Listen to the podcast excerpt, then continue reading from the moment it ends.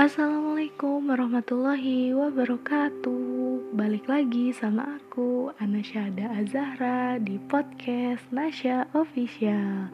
Oke, kali ini aku bakal bawain motivasi yang tertuang Melalui puisi yang aku tulis sendiri. Insya Allah Semoga kalian termotivasi Walaupun gak bagus-bagus banget.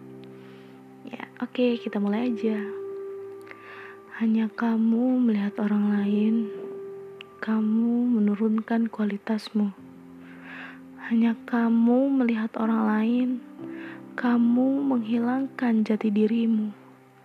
Hanya kamu melihat orang lain, kau hilangkan kreativitasmu. Hanya karena kamu melihat orang lain, kau merubah penampilanmu hanya karena kamu melihat yang lain. Kau tampil agar dipuja, hanya karena kamu melihat yang lain. Kau halalkan segala cara, hanya karena kamu melihat yang lain. Kau lupakan Tuhanmu. Nauzubillah mindalik ya teman-teman. Jangan sampai kita seperti itu. Seperti puisi itu.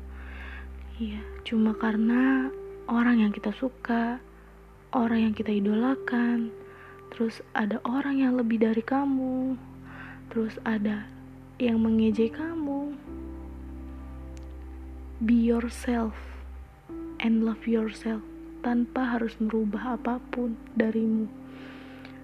Seperti yang dikatakan dari Abu Hamzah Anas bin Malik radhiyallahu anhu pembantu Rasulullah Shallallahu Alaihi Wasallam dari Nabi Shallallahu Alaihi Wasallam bersabda, salah seorang di antara kalian tidaklah beriman atau dengan iman sempurna sampai ia mencintai saudaranya sebagaimana ia mencintai dirinya sendiri.